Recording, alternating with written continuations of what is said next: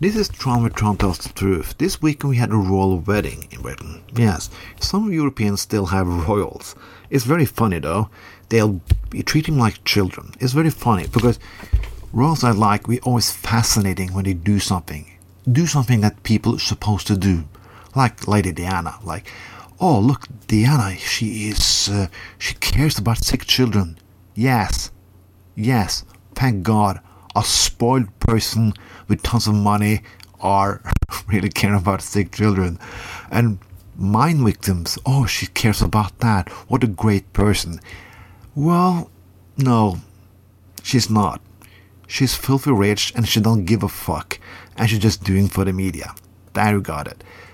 That Europeans still have a nostalgia for the royals is, yes, it's funny and it's interesting and sometimes surprising but anyway, why do you Americans have it?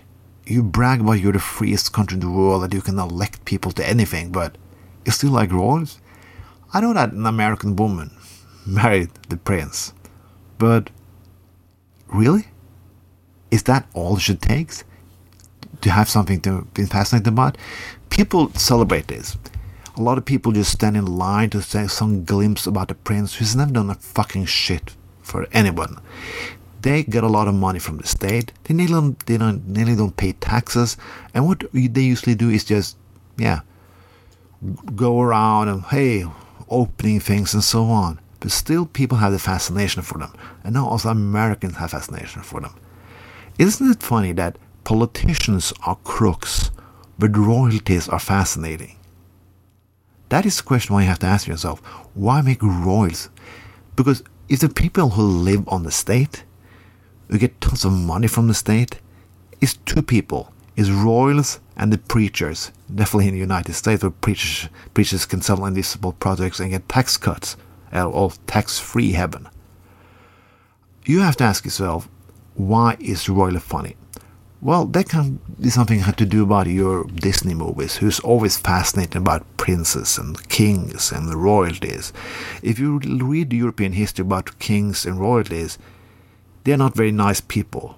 They usually have wars against each other, and the people have to suffer. Always.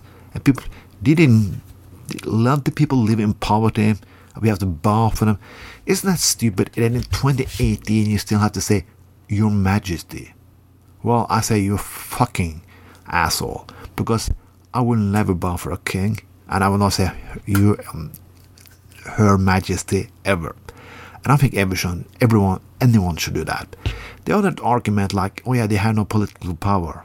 And that is even worse. Well, why do we keep them then? Why do we spend so much money on them? I have so many things that I can use this money on. What I would like to see is that the Britain turn on their king. And turn on the king and make Buckingham Palace a museum. That this was John Bertrand. That's the truth. Have a nice day.